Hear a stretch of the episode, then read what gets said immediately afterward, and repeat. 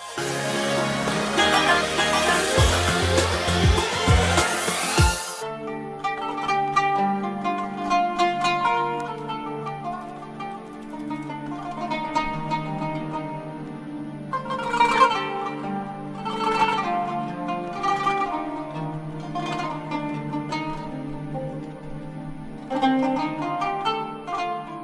الله الرحمن الرحيم. الحمد لله.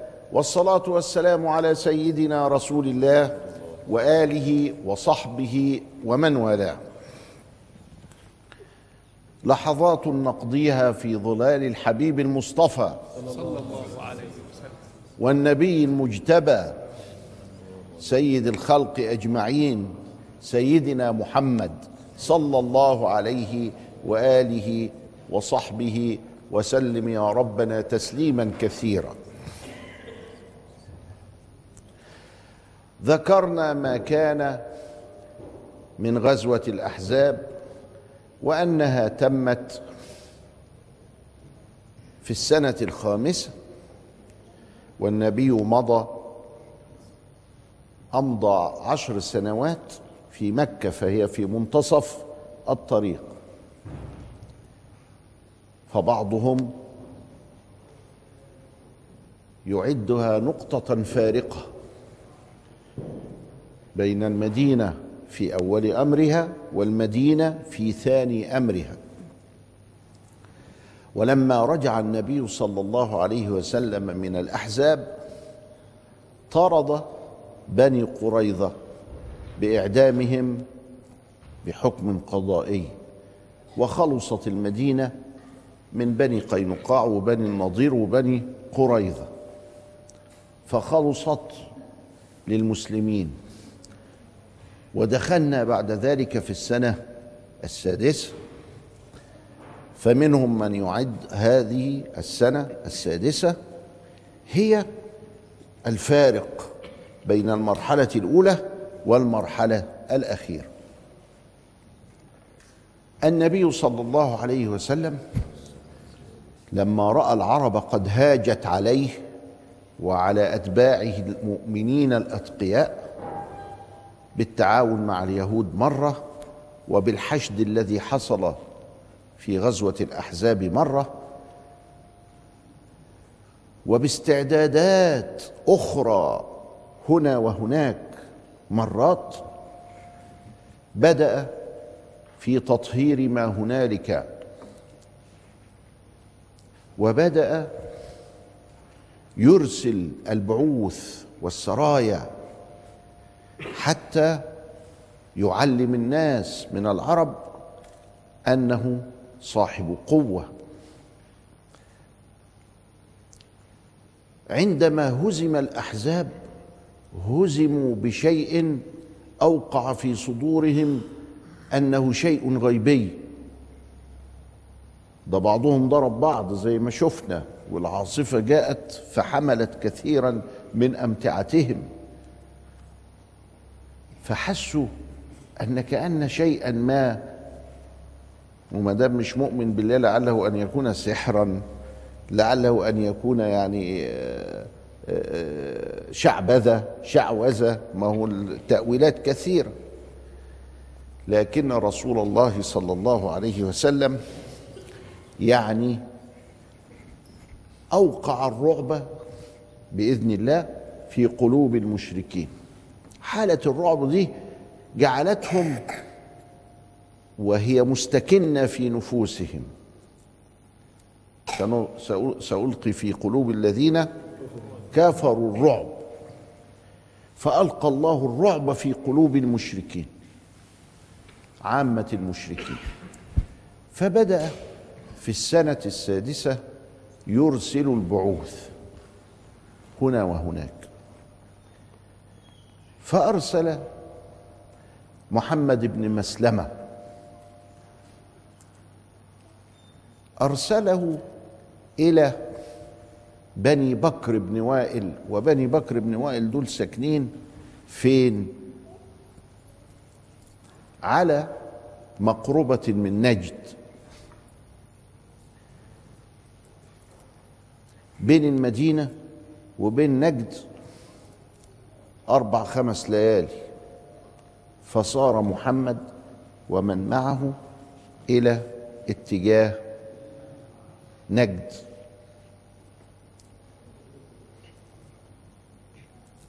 هم سمعوا بهذا وتفرقوا. آه يبقى ده الرعب داخلهم. ما كانوش يعملوها الأول. تفرقوا. محمد بن مسلمة لم غنم ولم شاه ولم كذا إلى آخره ورجع غانما بها إلى المدينة. مسيلمة الكذاب عايز قال لك الله هي قريش تطلع واحد منها يقول إنه نبي وإحنا هنا في نجد.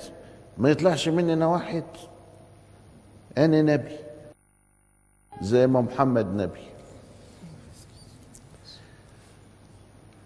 يكفي إن هو اسمه إيه؟ عبر التاريخ مسيلمة الكذاب. كذاب. وفضل الكذب بتاعه ده موجود مسيلمة الكذاب. وكان مسيلمة الكذاب فاكر إن الحكاية فهلوة وأن المعجزات التي تجري على يد النبي صلى الله عليه وسلم يعني ممكن إنها تجري على إيد أي واحد يعني. وايه يعني معجزات بيكسر يكثر الماء يكثر الطعام الجزع حنى فسمعته الصحابة الحصى سبح فسمعته الصحابة. ما نعمل حاجات زي كده برضه. وأنا يعني كان أحمق. مسيلمة كان كان أحمق. ولكل داء دواء يستطب به إلا الحماقة. أعيت من يداويها كان أحمق. فكان يجي ويقول لهم تعالوا البير اهو. أنا هتف فيه قوم هيفور. هو المية واصلة بنصه كده. فيتف فيه فالمية تغيض تحت. يعني نحس. ما هو في بعض الناس يعني كأنه شق نحس. كل ما يدخل في حاجة تفسد الحاجة لوحديها. معلش فكان الراجل ده كده. ليه نحس ليه؟ لأنه يدعي ما ليس فيه. أم دول حاجة خارقة. طب ما هو نفسها خارقة دي. أتف في البير. أم البير ينتهي. طب ما هي دي نفسها خارقة. فراحوا قالوا يبقى إذا دي نسميها إيه؟ كرامة ولا معجزة؟ قالوا لا نسميها خذلان. نسميها الخذلان. ف جايب واحد كان اسمه مرثد بن أثاثة ولا حاجة كده ابن أثاثة الحنفي كان سيد بني حنيفة. وقال له أنت رايح العمرة. قال له أيوه. قال له ما تعدي كده على المدينة وتقتل لنا محمد. قال له طيب وماله؟ حاضر. نعمل كده. قال له طيب. أم محمد بن مسلمة قبض على الراجل ده في الطريق. قبض عليه. فالراجل افتكر إنهم كشفوا الأوامر بتاع مسيلمه عليه فقال له يعني يا الله أنتوا بتقبضوا عليا ليه؟ هو كل واحد أنا كنت هقتل محمد آه لكن يعني برضو ده كلام تقبضوا عليا. ما هو كل واحد عايز يقتل محمد تقبضوا عليه. ما البجاحة ملهاش نهاية. لما كان جاهليا قبل إسلامه رضي الله تعالى عنه فيما بعد. أم خدوه وسلموه للنبي عليه السلام فسيدنا النبي قال طيب اربطوه في العمود ده. اربطوه في العمود. كان الربط في العمود ده زي إيه؟ زي نوع من أنواع القهر ونوع من أنواع إن هو يشوف المسلمين شكلهم إيه وهم داخلين كده بهدوء ويصلوا ويسمع القرآن غصب عنه بقى. ويوكلوه ويشربوه كده إلى آخره بس هو إيه كأنه محبوس كأنه حبس. وحبس مش انفرادي حبس برضو إيه يشوف الدنيا شكلها إيه. والربط في العمود ده هو يعني بيبقى خفيف. ليه؟ لأنك لو كنت واقف من غير عمود تستند عليه تتعب. لكن لما تسند على عمود كده اهو قوم ظهرك يرتاح. يعني فيها رحمة شوية. وبعدين يمر عليه النبي عليه السلام ويقول له ها إيه أخبارك؟ فيقول له يا محمد إن تعفو تعفو عن كريم. وإن تطلب مالا يأتيك. لأنه هو سيد قوم وشيخ قبيلة يعني. وحاجة كبيرة خالص. وإن تقتل تقتل ذا منعة. يعني إيه؟ بيقول له كلام كأنه يستعطفه بس برضه لسه في حتة كده تهديد. قال له طب خليك زي ما انت. واتعادت الحكاية دي ثلاث أربع مرات كل ما يمر عليه يقول له ها إيه الأخبار؟ فيقول له كلمتين هم هماهم مرة تانية. بعد الفاصل نشوف ما الذي فعل الله بهذا الرجل الكريم.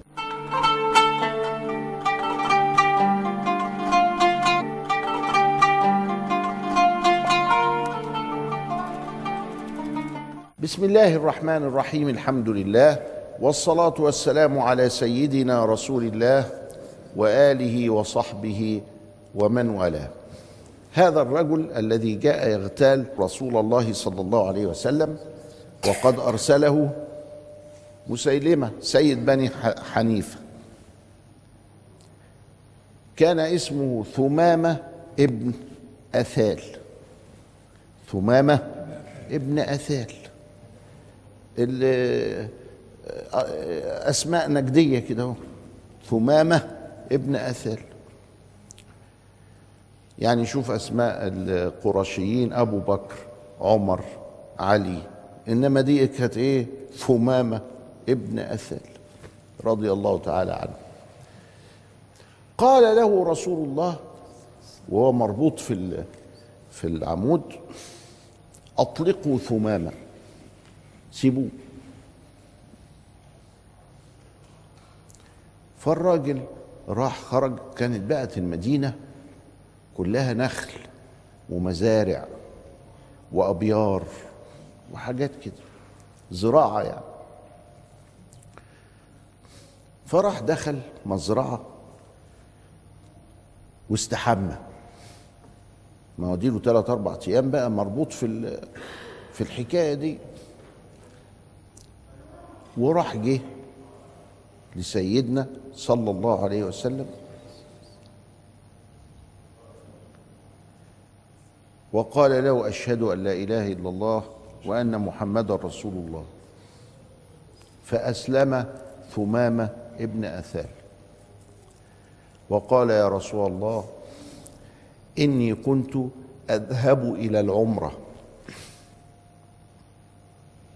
كنت أذهب إلى العمره فقال لي مسيلمة اقتل محمدا ولم يكن هناك على وجه الأرض أبغض منك إلي. فلما جئت شرح الله صدري للإسلام ببركة سيدنا النبي. وقد أسلمت. فدعا له رسول الله عليه الصلاة والسلام. وقال اذا فاذهب واعتمر. ما دمت كنت ناوي على العمرة يبقى برضه ما ما تحرمش منها اذهب واعتمر. ده بيبين لك إن شوف الإنصاف بتاع الإسلام العمرة والحج كان يعملهم المشركون. أيوه بس ده دين صحيح. ما هو مش كل حاجة بيعملها المشركون غلط. إن الصفا والمروة من شعائر الله. فمن حج البيت أو اعتمر فلا جناح عليه أن يطوف بهما. ليه؟ ده كانوا متحرجين بيقولوا ما كان المشركين بيعملوا كده. قال له ما مش كل حاجة يعملها المشركون يبقى غلط. ده ممكن جدا المشرك يعمل حاجة صحيحة. فأنا ماليش دعوة بأنه دي بيعملها ولا ما بيعملهاش. أنا ليا دعوة هي صح ولا لا؟ فاليهود يمتنعون عن الخنزير. خلاص. وأنا الحكم الله كده إنه يمتنع عن الخنزير. ما اجيش بقى وأقول اليهود بيمتنعوا عن الخنزير يبقى لازم نعمل مزارع خنازير. لا. اليهود بيمتنعوا عن الخنزير. ما الحكم الصحيح في هذا؟ إباحته. لو كان الله أباحه لأبحناه. ولا حرمته. لو كان الله حرمه لحرمناه.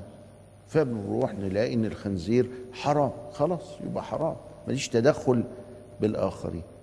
ونفس اليهودي اللي بيحرم الخنزير عنده الخمر حلال. ويفضل يسكر لغاية ما يبقى طينة. اليهودي. فاذا إحنا ما احناش هنقلد غيرنا إنه ده يبقى حلال وده لا ده الله بيقول إيه؟ كما يقول الله إن الحكم إلا لله. ثمامة بن أثال راح يعتمر. سيد بني حنيفة معروف في مكة وبينهم مصالح. فلقوه بيلف زي المسلمين. حوالين الكعبة وبعد ما خلص راح مصلي ركعتين الطواف. الله الله الله الله الله, الله. أنت اصبت أنت كفرت ولا إيه؟ أنت كفرت ودخلت الإسلام؟ فقال لا لم أصبأ بل أسلمت. تاخد بالك؟ ما سكتش. ما لهمش نعم صبأت عن دينكم. لا قال لهم لا. بل أسلمت. قالوا أجننت؟ قال والله الذي لا إله إلا هو. أدام قلت لي الكلمة دي. لا تخرج حبة حنطة من اليمامة إليكم إلا بإذن سيدنا النبي. صلى الله عليه وسلم تجيبوا الأول تصريح وإلا ما فيش تصدير لازم تجيبوا تصريح. من مين؟ من سيدنا النبي بقى. أنتوا لأن أنتوا مفيش فايدة فيهم والله لا تخرج حبة حنطة من اليمامة إليكم إلا بإذن سيدنا النبي صلى الله عليه وسلم. إيه دي؟ طب إحنا إحنا رحنا في مشكلة. ابتدت المصالح تشتغل. ابتدت المصالح تشتغل. وذهب ابن إيثال ده رضي الله تعالى عنه إلى اليمامة. اليمامة بقى كانوا بيسموها إيه؟ ريف مكة. ريف مكة يعني إيه؟ يعني الأرض الخصبة اللي بتطلع زرع اللي بيوكل مكة. مكة هتاكل منين؟ مكة ممكن تروح لليمن بعيدة. ممكن تروح تجيب الأكل من الشام بعيدة. ممكن تروح تجيب الأكل من اليمامة قريبة. ولذلك المملكة العربية السعودية لو شفت الخريطة بتاعتها يقول لك المنطقة الغربية اللي هي فيها الحجاز المنطقة الوسطى اللي هي فيها اليمامة المنطقة الشرقية. يبقى الوسطى قريبة من إيه؟ من الغربية. يبقى إذا المسافة قريبة أربع خمس أيام. أروح أجيب الأكل وأجي. لكن لما أروح الشام فيها 15 يوم ولما أروح اليمن فيها 15 يوم.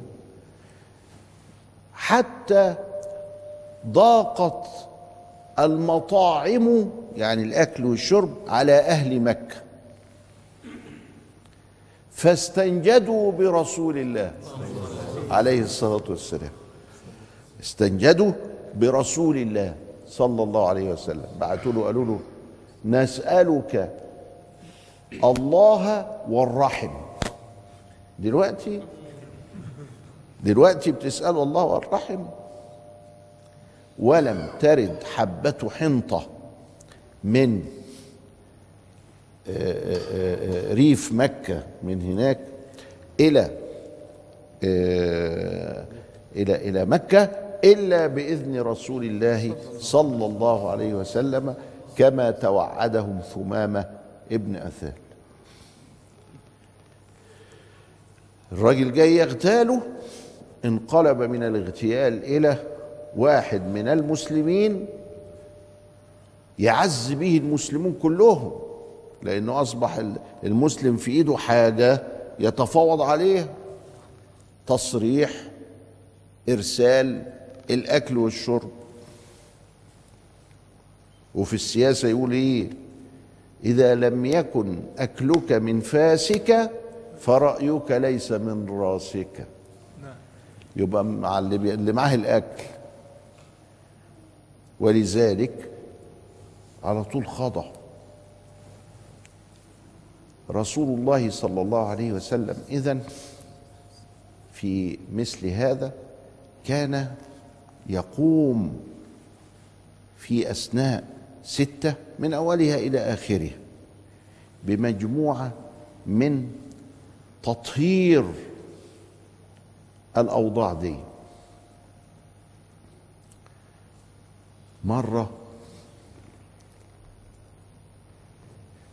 قوم اسمهم بنو لحيان قريب من مكة كده. قريب من مكة برضو على بعد أربع أيام من المدينة لمكة. قتلوا الصحابة. كانوا قاتلين صحابة والدنيا هايجة فرسول الله قال لهم طب خلاص اسكتوا. الدنيا هايجة. يبقى لازم لما الدنيا تهيج تسكت تكن كده لغاية ما تشوف الوقت المناسب. تضرب في الوقت المناسب. لما حصلت محمد بن مسلمة وحصل إنه حكم على بني قريظة وحصل بانه كذا إلى آخره ابتدت العرب تضطرب. ولذلك شعر النبي أن هذا وقت مناسب لأن إحنا نأخذ صقر الصحابة اللي موتوهم وأعدموهم في بني لحيان. بني لحيان قريبة من مكة يعني ممكن أهل مكة ييجوا. طب نعمل إيه إذا في تفكير استراتيجي أو تفكير للبتاع فإيه قصة بقى بني لحيان؟ ناخدها في حلقة أخرى حتى نتعلم منها كيف يكون القرار المناسب في المكان المناسب مع الشخص المناسب في الزمان المناسب بالطريقة المناسبة. فهذه سنة سيدنا رسول الله صلى الله عليه وآله وسلم. فإلى لقاء آخر أستودعكم الله. والسلام عليكم ورحمة الله وبركاته.